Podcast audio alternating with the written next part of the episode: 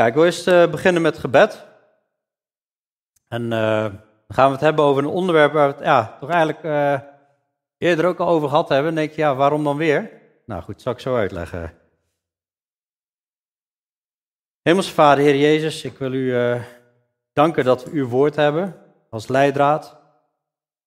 Dank u dat u zoveel hebt geopenbaard door uw profeten, door mannen gods, door ja, de wijsheid die u gaf aan Salomon, Heer. Wil u uh, vragen, Heer, dat, uh, ja, wat u geven dat we het mogen begrijpen, dat als we de tekst gaan lezen vandaag, we niet alleen begrijpen met het verstand, maar ook met het hart. En vooral ook toe zullen passen in uh, ons, ons leven, Heer. En het feit dat u hier zo vaak over spreekt in de Bijbel, dat op zich is al een boodschap, Heer. En ja, wilt u, wilt u ons zo zegenen tijdens het, uh, het lezen, tijdens het luisteren, Heer? Wilt u mij ook de woorden geven, Heer? Wilt u ja, mij helpen om uh, in alle rust dit, dit uit te leggen, Heer? En dat we ja, met de lering naar huis mogen gaan en ja, dat het tot zegen mag zijn wanneer we hierin wandelen. In Jezus' naam. Amen. Amen. Nou, ik kreeg ook een keer de vraag van iemand van, hoe ga je er eigenlijk doen in spreuk als we gaan, ja, vers voor vers heen gaan. Uh, hoofdstuk 5 gaat over overspel, hoofdstuk 7 gaat over overspel. Ehm, een deel van hoofdstuk 6 ga je hoofdstuk 5 en 7 samenvoegen als één preek. Ik heb er wel aan gedacht om dat te doen. Maar ik dacht, ja, eigenlijk best gek. Als je gewoon vers voor vers door een boek gaat, pakt elke keer ongeveer een hoofdstuk. En uh, ja, ik denk, het komt in deze verhouding. Als je kijkt naar de eerste zeven hoofdstukken, dan heb je twee en een half hoofdstuk wat hier uh, over gaat. Dus dan, kennelijk hebben we dat uh, nodig. Hè? Dus ik heb gewoon besloten om toch gewoon hoofdstuk 7 ook gewoon zo te behandelen. Ik vond het wel spannend in de voorbereiding. Denk ik, ja, maar valt er dan nog meer over te zeggen? Of ga ik dan gewoon bijna dezelfde preek geven? Nou, beoordeel dat zelf maar. Um, het begint in ieder geval weer met een introductie. Nou, hier, ik heb hier een titel boven: Waarschuwing tegen slechte vrouwen. Zo zou je het ook kunnen zien. Maar het begint weer met een introductie. En dit is de tiende vaderlijke vermaning. De tiende, over herhaling gesproken. Mijn zoon, Neem mijn woorden in acht. Berg mijn geboden bij je op. En dat zijn natuurlijk Gods geboden. Neem mijn geboden in acht en leef. Neem mijn onderwijs in acht als je oogappel. Bind ze aan je vingers en schrijf ze op de tafel van je hart. Voor de tiende keer komen we zo'n soort tussenstukje tegen, waarin Salomo gewoon heel sterk benadrukt van luister nou gewoon echt naar het woord van God. En nou, als je tien keer gewaarschuwd bent, zo in deze prekerserie, dan, um, en je gaat het negeren en je gaat op je plaat, dan weet in ieder geval dat je gewaarschuwd bent, zeg maar. Mijn zoon, neem mijn woorden in acht. Berg mijn geboden bij je op. We mogen Gods geboden in, in, in ons hart opbergen. Hij zegt, neem mijn geboden in acht en leef. En we hebben in hoofdstuk 3 uh, hebben wij al gezien. Mijn zoon, vergeet mijn onderwijs niet, zo begint hoofdstuk 3. En laat je hart mijn geboden in acht nemen. Lengte van dagen en jaren van leven en vrede zullen ze voor jou vermeerderen. Lengte van dagen en jaren van leven en vrede zullen ze voor jou vermeerderen. Dat zie je in Efeze 6 ook, hè, dat een, een lang leven uh, beloofd wordt wanneer uh, ja, in ieder geval je wandelt of je je vader en moeder eert. Dus een gebod met een uh, belofte. Nou, dat leven in, in vrede, hè, dat is natuurlijk omdat je, ja, wanneer je een relatie hebt met God, hè, God, God is vrede en, en die wil vrede in ons hart geven. En dat is ook een, vrucht van de geest. Hè, dus dan heb je het echte leven, dat is leven in overvloed, spreekt Jezus over. De dief komt alleen maar om te slachten, roven en verloren te laten gaan. En Jezus komt om uh, ja, leven te geven in overvloed. En dat is niet overvloed van, oh, superveel rijkdom, maar overvloed in een relatie met God. Maar goed, het is natuurlijk ook uh, leven tot een eeuwigheid. Wanneer wij in Gods weg wandelen. Wanneer wij Hem geloven, Hem vertrouwen, dat Zijn weg de beste is. En dan worden wij gerechtvaardigd door het geloof. En uh, ja, ik, had, ik heb er woensdag heb ik hier al iets over gezegd. Maar ja, dan denk ik, ik werd dus van de week gebeld door een mevrouw eh, uit Amsterdam. En die is haar, haar, haar, dochter verloren, een paar maanden geleden. Die was 14 jaar. En als ik dat verhaal hoor, denk ik, ja, maar mijn hart breekt gewoon. En ik wil dat, ik wil dat delen met jullie en ook dat de kinderen dit ook, ook horen.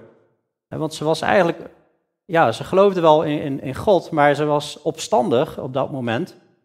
Eh, dat ze is overleden. Ze was van huis weggelopen midden in de, in de nacht. En de moeder belde eigenlijk om, ja, ze is overleden met, met vraagstukken van waar, waar is ze nu. Maar ze had er nog geprobeerd om, om, om tegen te houden. En heel vaak dan ja, had ze wel eens momenten dat ze even, even, even niet luisterde, opstanden was. En later zei ik moet ook gewoon luisteren, hè, dan een kwartier later. Maar dit keer niet, het ging mis. En ze is op pad gegaan en ze liep op, op een dijk en ze is geschept door een auto en uh, ja, ze is overleden. denk ik, oh man, had ze maar misschien dit geluisterd, uh, hiernaar geluisterd, dit geweten. Of, dan denk ik, ja, het is, het is shocking wat er kan gebeuren op het moment dat je niet luistert naar je ouders. Neem mijn onderwijs in acht als je oogappel. Nou, uh, ik weet niet of jullie uh, elke dag uh, die term gebruiken, ik niet zo heel vaak. Maar een, een oogappel, dat is eigenlijk het binnenste deel van je oog, wat, wat, wat, wat gekleurd is, je, je, iris. En dat is iets wat je natuurlijk heel goed beschermt. In de bouw zie je heel veel mannen met veiligheidsbrillen, hè? want ja, daar kan zoiets in je oog vliegen. Of als er in één keer harde wind hebt, je voelt allemaal zand. Het eerste wat je doet, dat, is je, dat zijn je ogen beschermen. Hè? Je ogen, als je, als je die niet meer hebt, dan kun je niet meer goed zien. Neem mijn onderwijs in acht als je oogappel. Omarm dit, neem dit aan als iets wat je heel goed gaat bewaren. Bind ze aan je vingers en schrijf ze op de tafel van je hart. Nou, zoiets uh, bind ze aan je vingers. Uh, dat zie je in Deuteronomium 6 ook. Hè, dat je Gods woord moet je tussen je voorhoofd hebben. Je moet het om je arm binden. Nou zijn er Joden die hebben dan echt uh, bandjes om hun armen met Gods woord erop. En, en een bijbeltekst tussen hun voorhoofd. Maar ja, dat is natuurlijk niet wat er bedoeld wordt. Schrijf ze op de tafel van je hart. Dit is figuurlijk. Hè? En um, ik denk, ja, maar waarom heeft hij het nou over bind ze aan je vingers? Hoezo, hoezo zegt hij dat nou zo? dat hart, dat snap ik nog, maar ja, ik, ik moest aan twee dingen denken, tweeledig. Als je Gods woord aan je vingers bindt, denk ja, mijn, mijn vingers, dat, is eigenlijk, dat zijn eigenlijk de onderdelen van mijn lichaam waar ik eigenlijk ja, de kleinste details in het leven mee uitvoer. Dus ik denk, tot in de kleinste details van het leven mogen we Gods woord door laten werken. Maar een ander ding waar ik ook aan moest denken, bij bind aan je vingers, is dat um, Salomo was een koning. En koningen die hadden een opdracht. En de opdracht aan een koning, dat was um, uh, in Deuteronomium 17, vers 18 staat: Verder moet het zo zijn, als hij, een koning, op de troon van zijn koninkrijk zit, dat hij voor zichzelf een boekrol, een afschrift van deze wet schrijft, van de wet van Mozes. Vanuit de rol die onder het toezicht van de Levitische priesters is. Dus de koning moest gewoon de eerste vijf boeken van de Bijbel gewoon helemaal overschrijven, met zijn eigen hand. Dat moet bij hem zijn en hij moet er alle dagen van zijn leven in lezen om de Heere, zijn God, te leren vrezen en om alle woorden van deze wet en deze verordeningen in acht te nemen door ze te onthouden. Opdat zijn hart zich niet verheft boven zijn broeders, opdat hij niet afwijkt van het gebod naar rechts of naar links en opdat hij zijn dagen verlengt in zijn koninkrijk, hij en zijn zonen te midden van Israël. Nou, de lessen hieruit is dus dat we deze week de hele Bijbel over gaan schrijven. nee, nee. Nee, je ziet dus in ieder geval als een koning dat helemaal over moet schrijven, ja, dan, dan gaat het wel via zijn hand, via zijn gedachten, hopelijk via zijn eh, hart. En dan heeft hij een eigen exemplaar, een eigen uh, Bijbel en daar moest hij elke dag uit lezen. En het principe is denk ik gewoon dat, uh, wij worden ook koningen genoemd en priesters, maar dat uh, het belangrijk is om de Bijbel bij je te hebben elke dag en stukken overschrijven van de Bijbel of stukken samenvatten van de Bijbel. Dat is ontzettend uh, leerzaam. Dan kun je het heel erg goed onthouden. En dan zegt hij daaraan, schrijf ze op de tafel van je hart. En ik heb het vaker aangehoord, gehaald. Psalm 119, vers 11, daar, zegt, dat, daar staat dat, uh, ik heb uw woorden in mijn hart opgeborgen, opdat ik tegen u niet zondigen zou. We hebben in het vorige hoofdstuk, hoofdstuk 6, vers 21 al gezien van, bind ze voortdurend op je hart. Dat moet altijd maar doorgaan. In hoofdstuk 3 hebben we die oproep ook al gezien. Dat was in uh, vers 3. Mogen goede tierenheid en trouw je niet verlaten. Bind ze om je hals, de woorden van God. Schrijf ze op de tafel van je hart. Dus continu zie je de oproep dat het woord van God echt, echt in je hart moet zijn. Dus als wij Gods woord lezen, is het heel goed om het te begrijpen. Maar neem ook gewoon tijd om het echt even te laten bezinken naar je hart. En te beseffen, wat ga ik hiermee doen? Zeg tegen de wijsheid, vers 4, jij bent mijn zuster. En noem het inzicht je bloedverwant. En je zuster is iemand waar je mee opgroeit. En familie, je bloedverwanten, dat, je, je, je bloedband zeg maar, dat, dat, is eigenlijk, dat is eigenlijk degene waar je normaal gesproken ja, eigenlijk heel je leven wel eh, contact mee hebt. En zo moet je eigenlijk de, uh, dat zeggen tegen de wijsheid, ik ga jou omarmen. Ik ga het woord van God ga ik omarmen. En hij heeft meteen ook een, een toepassing in, deze, in dit hoofdstuk, opdat zij je bewaren voor de vreemde vrouw. Voor de onbekende die jou met haar woorden vlijt. En die vreemde vrouw zijn we al eerder tegengekomen. In dit hoofdstuk is een, een, een vrouw die getrouwd is en met iemand naar bed gaat, maar een vreemde vrouw en dat kan ook een, een, een ongelovige zijn die wil verleiden, of als je vrijgezel bent, iemand die jou uh, gaat verleiden. Er zijn natuurlijk allerlei varianten van. En dan zegt hij eigenlijk, nou, door het venster van mijn huis, door mijn traliewerk, zag ik neer. Ik zag bij de onverstandigen, ik merkte onder de jongeren, merkte ik een jongen zonder verstand op, die de straat overstak bij haar hoek en voorschreed in de richting van haar huis. In de schemering, in de avond van de dag, te middernacht en in het donker. En zie, een vrouw kwam hem tegemoet, uitgedost als een hoer en arglistig van hart. Ze was onrustig en opstandig, haar voeten bleven niet thuis. Nu eens op straat, dan weer op de pleinen. Ze loerde bij alle hoeken. Ze greep hem vast en kuste hem. Ze trok een stalen gezicht en zei tegen hem: Ik moet dankoffers brengen.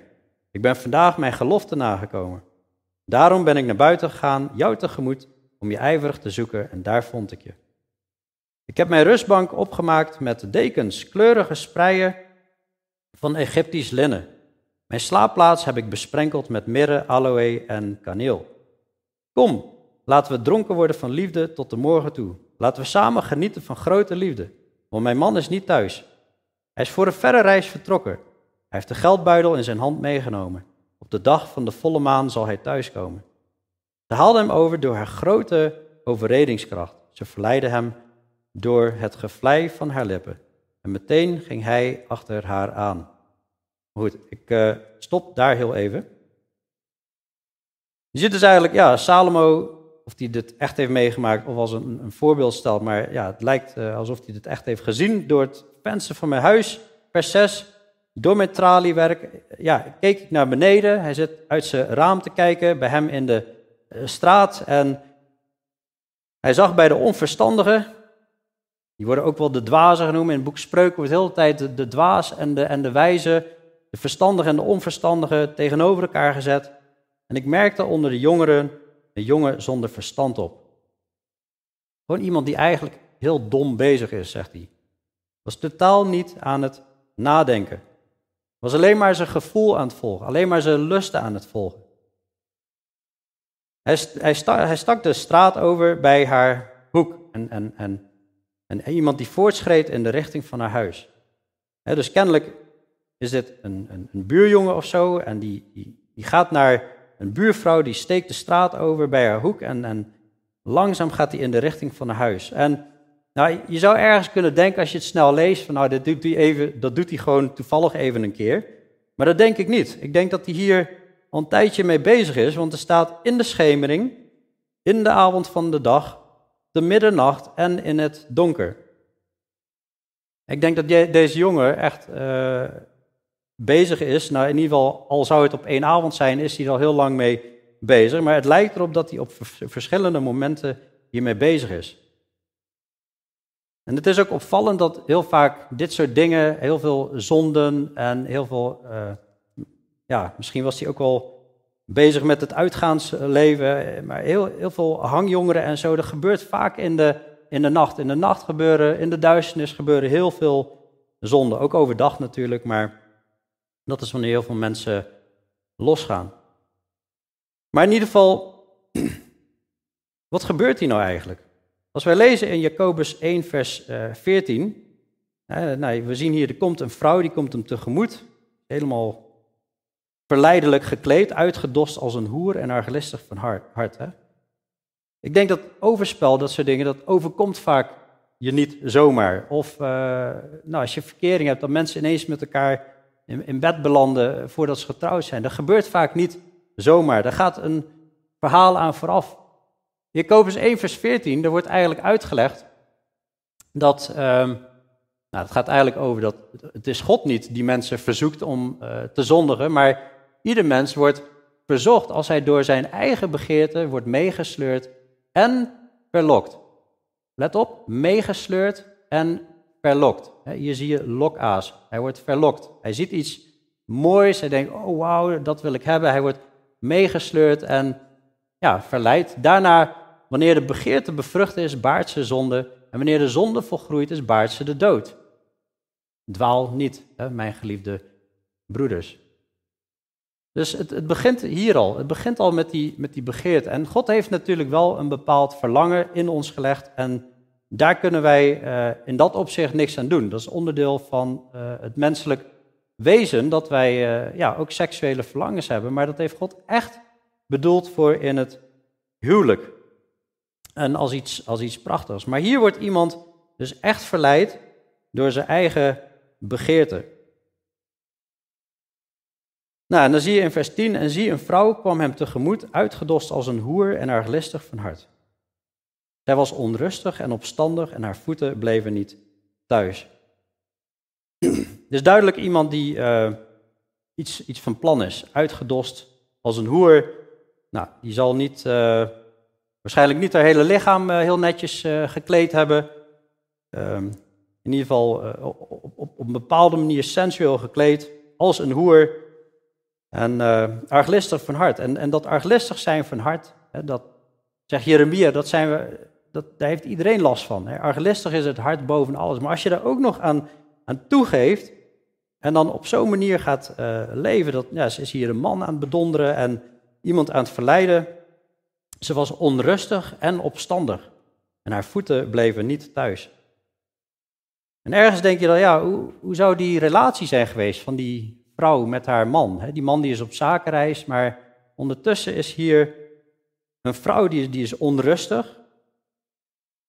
En ik denk dat je ook onrustig wordt wanneer je allemaal zondige gedachten hebt. Daar word je gewoon onrustig van. En ze was opstandig. Haar voeten bleven niet thuis. Terwijl ik ja, hiermee bezig was, denk ik van ja, op een gegeven moment kom je in, in Spreuken 31. En in Spreuken 31, daar wordt gesproken over een, eigenlijk juist een godvruchtige vrouw. In Spreuken 31, vers 10 staat, wie zal een deugdelijke vrouw vinden? Haar waarde gaat die van robijnen ver te boven. Op haar vertrouwt het hart van haar echtgenoot. En bezit zal hem niet ontbreken. Zij doet hem geen kwaad. Uh, sorry, zij doet hem goed en geen kwaad. Al de dagen van haar leven. Lees je Spreuken 31, vers 23. Haar echtgenoot is bekend in de poorten. En dat was eigenlijk waar, waar eigenlijk uh, een soort gemeenteraad zat. Als hij daar zit met de oudste van het land, zij maakt onderkleding en verkoopt die. Ze levert de koop die de gordels. heeft gewoon haar werk, haar baan. Kracht en glorie zijn haar kleding. Zij lacht de komende dag toe. Dat is iemand die heeft haar zaakjes op orde. Ze doet haar mond open met wijsheid. Onderwijs uit genegenheid ligt op haar tong. Ze houdt de gangen van haar huisgezin in het oog. En brood van de luiheid eet ze niet. Haar kinderen staan op en prijzen haar gelukkig. Ook haar echtgenoot roemt haar. Dat is een enorm eh, contrast met deze vrouw van wie haar man weg is op zakenreis en die hem gewoon aan het bedonderen is. En Spreuken 31 is natuurlijk hoe God wil uh, dat een godvruchtig vrouw is. of je nou vrijgezel bent of getrouwd, maar in ieder geval godvruchtig bezig zijn. Deze vrouw is totaal anders, anders bezig in Spreuken 7. Onrustig, opstandig, haar voeten bleven niet thuis. Nu eens op straat, dan weer op de pleinen. Zij loerde bij alle hoeken. En het blijkt later heel duidelijk, zij is op zoek naar een prooi. Zij is op zoek naar iemand die ze kan verleiden.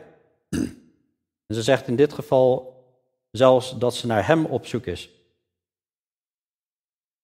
Nu is op straat, dan weer op de pleinen, ze loerde bij alle hoeken. En dat is ook niet de eerste keer dat ze dat doet, want we lezen op het eind, in vers 26, zij heeft immers vele dodelijke gewonden doen neervallen. Geweldig veel zijn alle die zij heeft gedood. En ik denk dat het niet alleen maar gaat over deze vrouw, maar het type vrouw, algemeen, wereldwijd, door alle eeuwen heen. Het type vrouw wat mannen verleidt en tot zonde leidt, zeg maar. Vele, vele mannen zijn daardoor gesneuveld, maar net zo goed die vrouwen ook. Nou, ze greep hem vast, vers 13, en kuste hem. En ze trok een stalen gezicht en zei tegen hem: Ik moet dankoffers brengen, ik ben vandaag mijn gelofte nagekomen. Nou, het scheen, in die tijd heel erg ontmoedigd te worden om zo iemand op straat te kussen in, in Israël. dus dat is heel ongebruikelijk. Maar zij trekt een stalen gezicht. En dan zegt ze ook nog tegen hem. En als je dit de eerste keer leest, dan denk je: wat, wat, bedoelt ze hiermee? Ik moet dankoffers brengen. Ik, heb vandaag mijn, uh, ik, ik ben vandaag mijn gelofte nagekomen. Uh, letterlijk vertaald staat hij eigenlijk: uh, Ik heb mijn dankoffers bij mij. Of uh, ja, waarschijnlijk heeft ze net een offer gebracht. Een dankoffer, dat was een van de vijf soorten offers die je kon brengen. Een vrijwillig offer die je kon brengen in de, in de tempel. En uh, een deel daarvan, uh, ja, daar kun je dan ook zelf nog van eten. En ze is haar, haar, haar, gelofte vandaag nagekomen. En als je daarover nadenkt, dan denk je, ja, dit is, dit is gewoon bizar.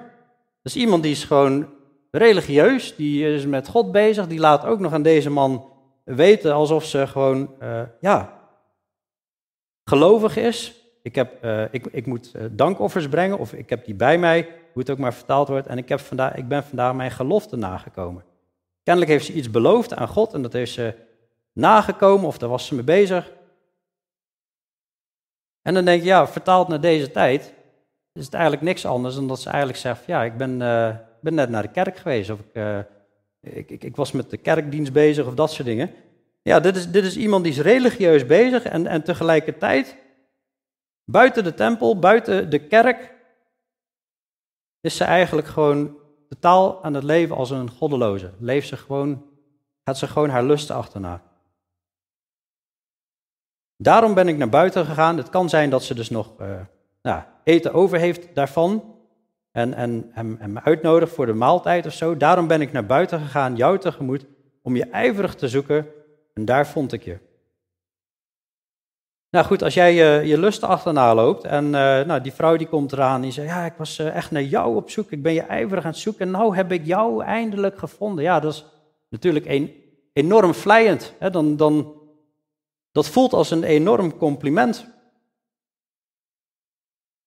Maar dat is natuurlijk wel echt uh, foute bol. Hè? Want zij heeft hierover nagedacht van tevoren. Dit is niet zomaar toevallig dat ze hem even tegenkomt. Ze is naar hem op zoek.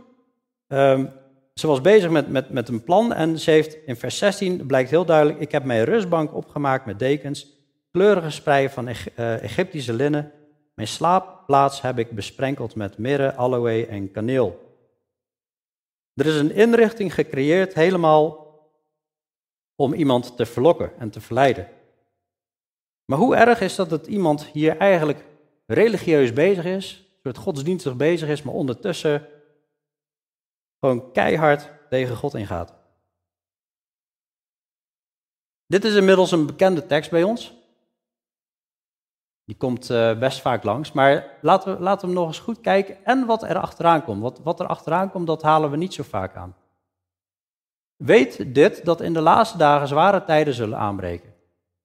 Mensen zullen liefhebbers zijn van zichzelf, geldzuchtig, grootsprekers, hoogmoedig, lasteraars en ouders ongehoorzaam, ondankbaar, onheilig, zonder natuurlijke liefde, onverzoenlijk, kwaadsprekers, onmatig en vreed, zonder liefde voor het goede, verraders, roekeloos, verwaand, meer liefhebbers van zingenot dan liefhebbers van God. Je denkt dan het gaat over ongelovigen, maar wij weten inmiddels nee. Dit zijn mensen die hebben een schijn van godsvrucht. Het zijn mensen die religieus bezig zijn, maar het is een schijn van godsvrucht, maar hebben de kracht ervan verlogend. Die zijn helemaal niet heilig aan het leven. Dat is echt de, de krachtige uitwerking van het, van het evangelie en van de Heilige Geest, dat we ook heilig gaan leven. Maar dit gedrag is een schijn van godsvrucht. Zonder liefde voor het goede. Deze vrouw heeft niet liefde voor het goede. Had ze liefde voor het goede, dan deed ze haar man geen kwaad. En uiteindelijk doet ze deze jongen ook kwaad. Maar meer liefhebbers van zingenot dan liefhebbers van God. Ik heb dat nog eens opgezocht, dat woord zingenot. Maar dat wordt eigenlijk heel veel in verband gebracht met sensueel genot. Genot gekoppeld aan de, aan de seks. Het is breder dan dat.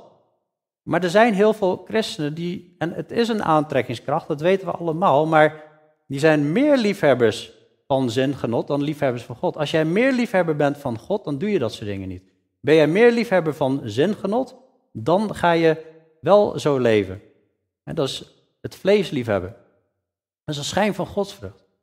Dan heb je de, de kracht van het evangelie heb je dan verlogend als je zo leeft. En er staat een oproep, keer u ook van hen af. En als je zelf zo moet je natuurlijk zelf direct, onmiddellijk bekeren. Maar als je andere mensen om je heen hebt die zo wandelen, moet je echt van afkeren. Paulus zegt, tot hem behoren zij die de huizen binnensluipen en vrouwtjes in hun macht krijgen, die met zonde beladen zijn en door allerlei begeerten gedreven worden. En het kan natuurlijk net zo goed andersom, hè, de man-vrouw eh, situatie. Die altijd leren en nooit tot kennis van de waarheid komen. Hoe triest is dat, hè? Schijn van godsvrucht.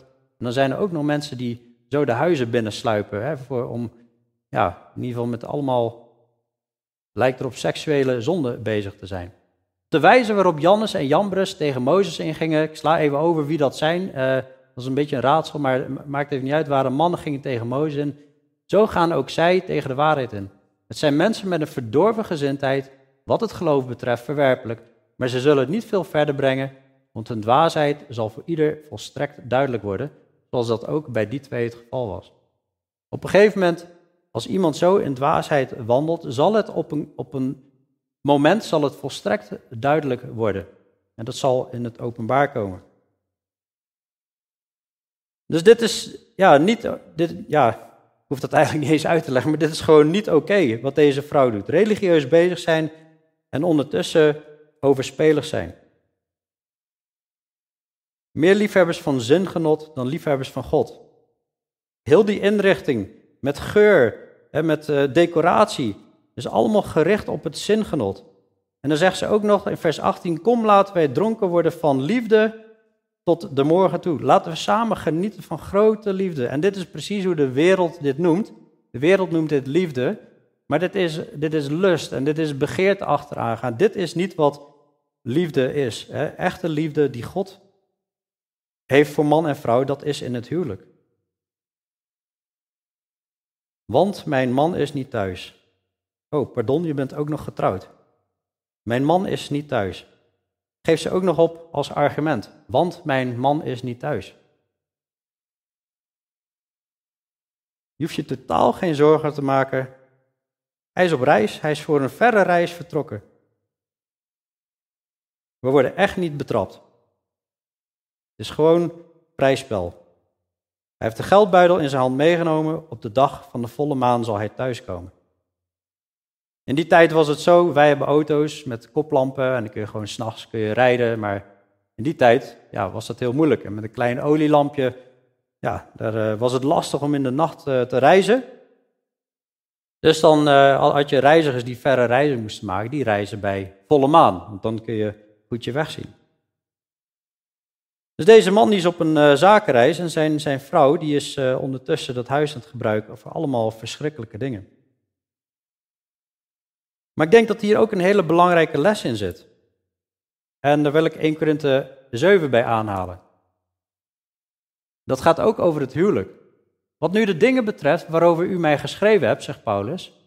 Het is goed voor een mens om geen vrouw aan te raken. En als hij zegt, het is goed voor een mens, dan bedoelt hij dus als je het wel doet, dan is het kwaad. Dat is het kwaad.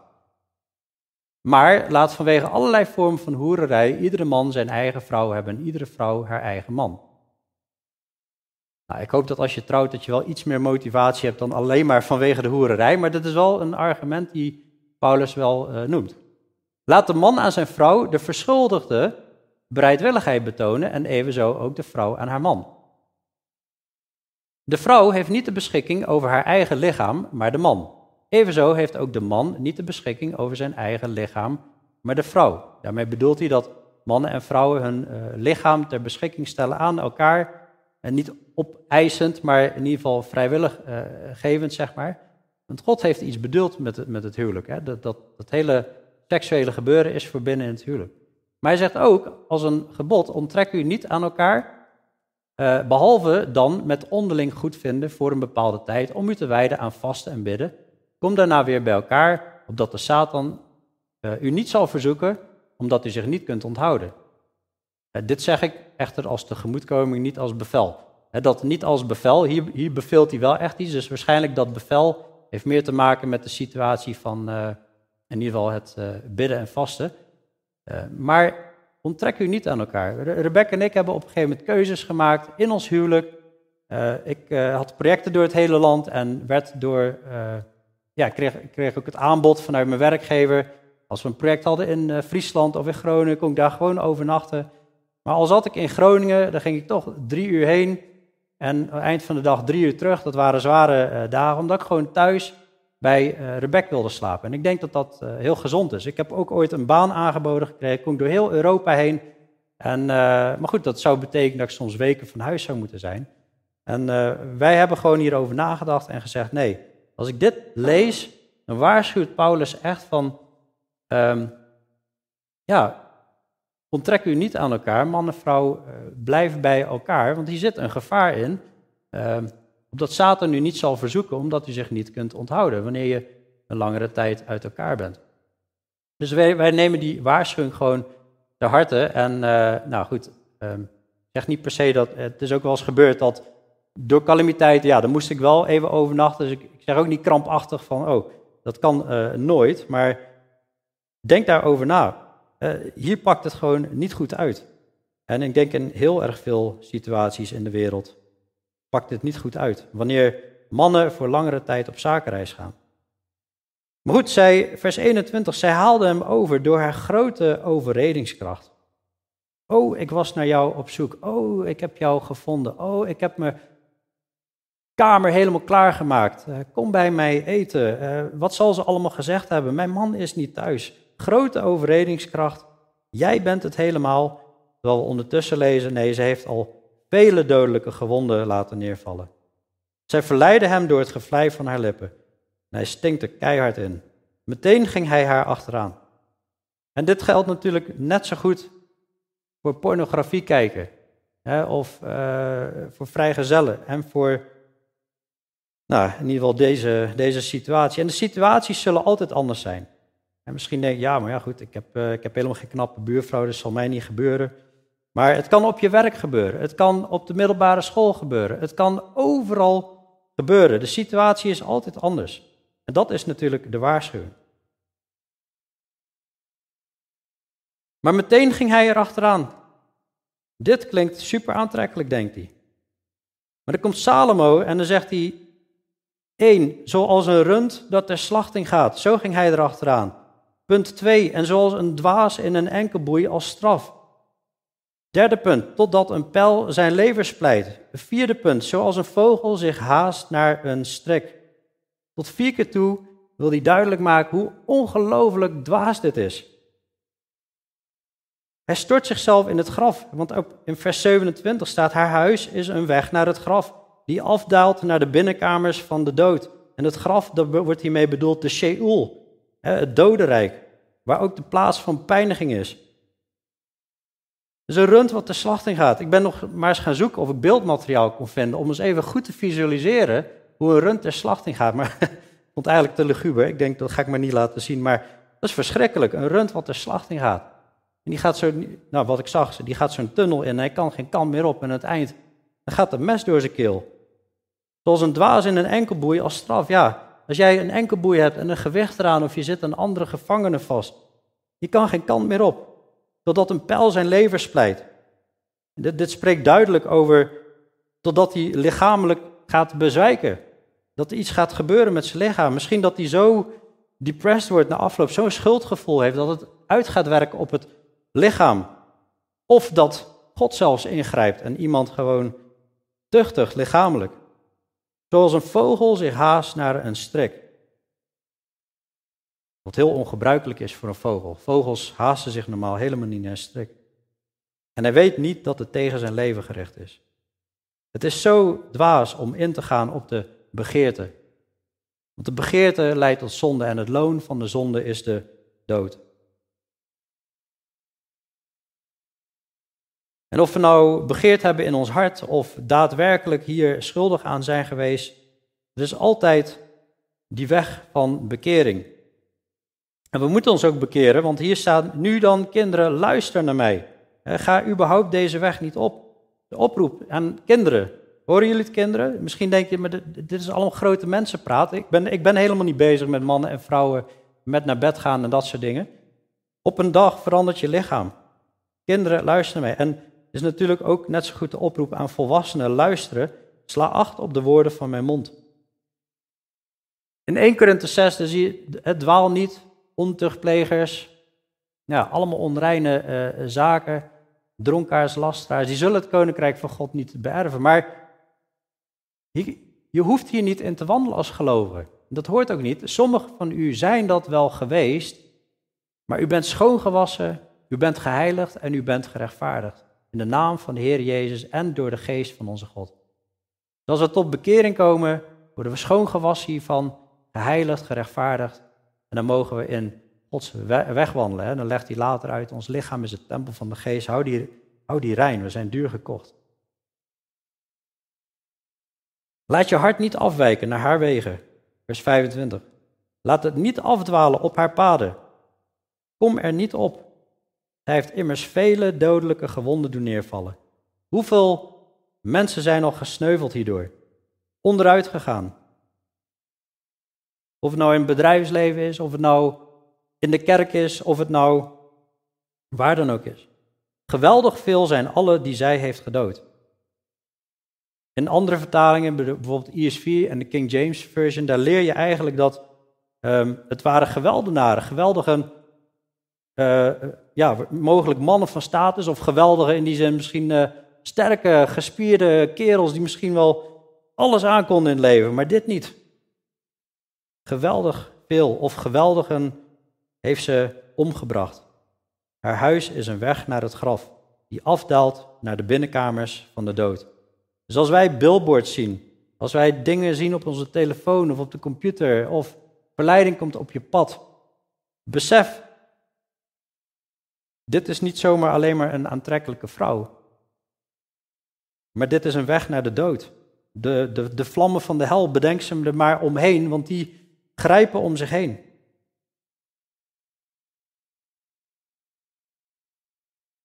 Uit dit stuk en wat we allemaal geleerd hebben, wil ik nog wat woorden van wijsheid meegeven.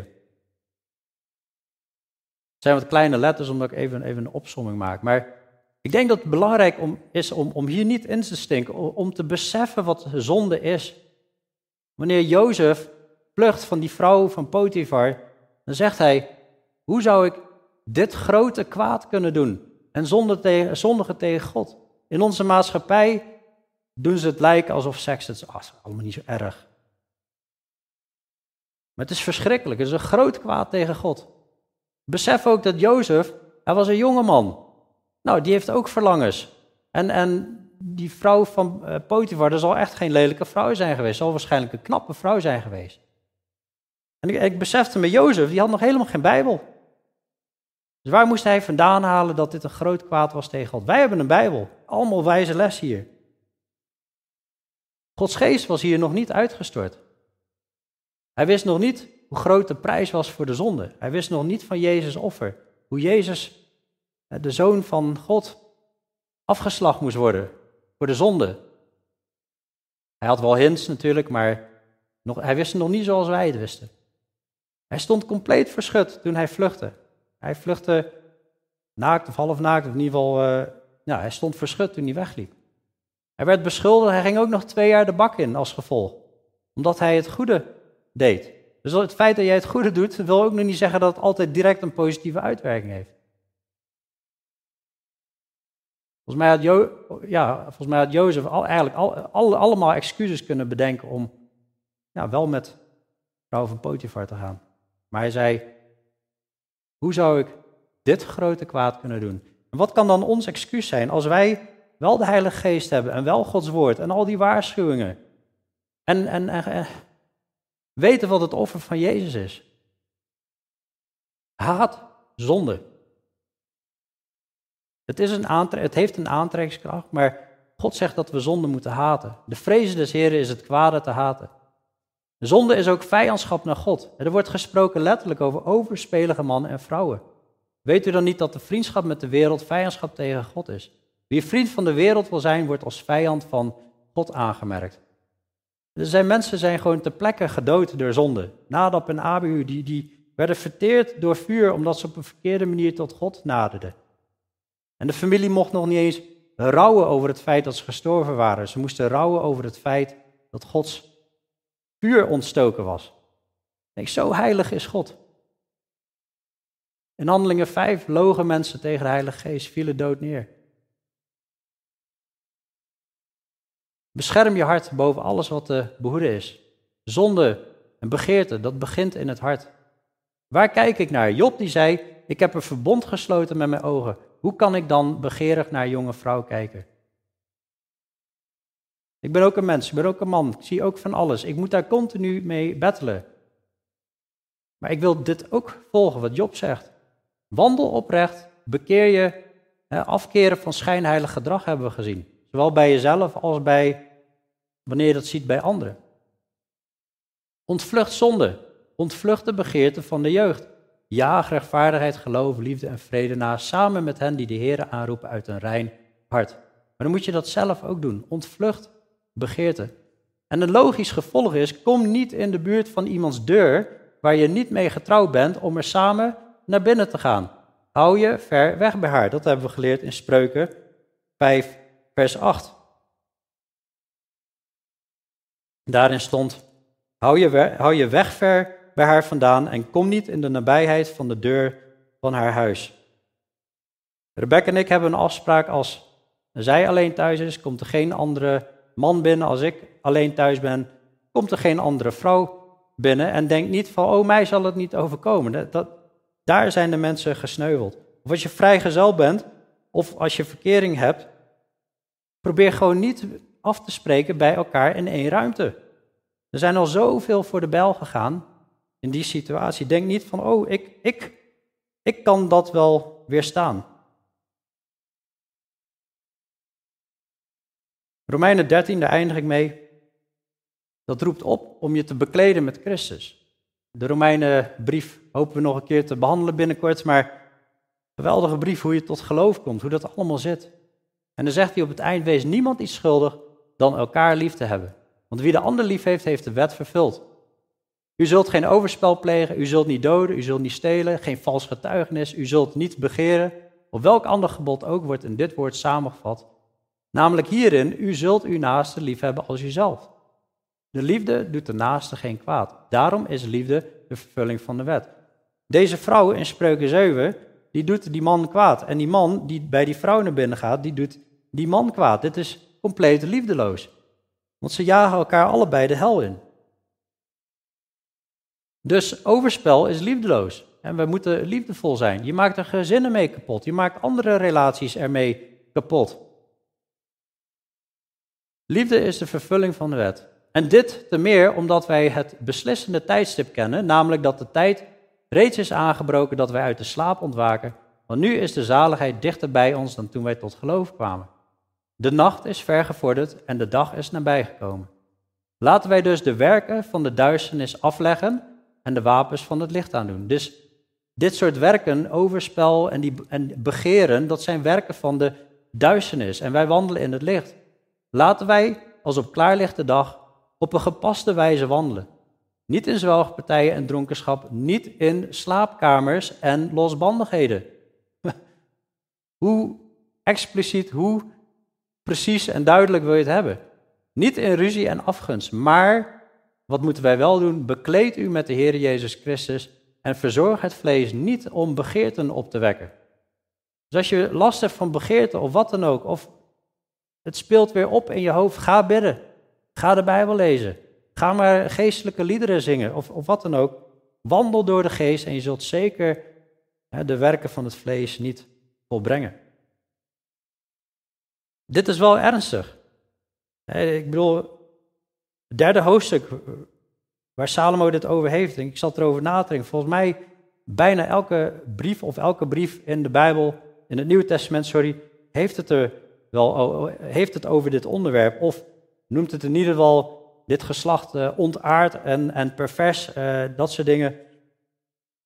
We moeten echt vluchten van de zonde, beseffend wat heeft Jezus voor ons gedaan. Hij heeft, hij heeft ons vrijgekocht van de zonde. Laten we dan niet blijven wandelen in begeerte. Maar laten we de wil van de Heer doen. Het is een keuze. Wie geloof je? Wie vertrouw je meer? Satan met al zijn begeerten en de duisternis of vertrouw je meer op Jezus? Want één dag staan we allemaal voor de troon. Zullen we bidden? Hemelse Vader, Heer Jezus.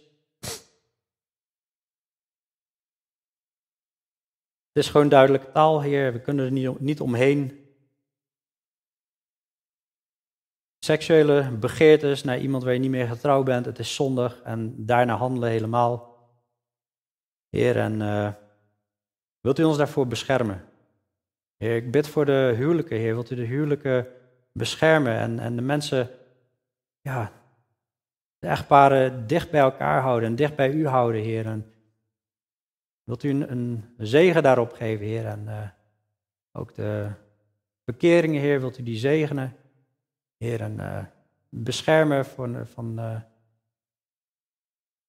ja, seksuele zonde, Heer. En ik bid ook voor de jonge lui, Heer, die uh, middelbare school zetten, Heer. En bijna daar naartoe gaan. Oh, Heer, wilt u hen ook beschermen. En alle andere vrijgezellen ook, Heer. Wilt u hen beschermen voor seksuele onreinheid.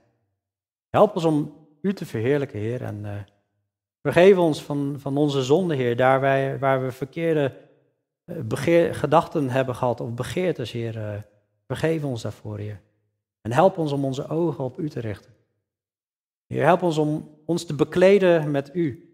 Continu te bedenken wat boven is en niet wat beneden is. Heer, we beseffen ook dat zonder U kunnen we niks doen.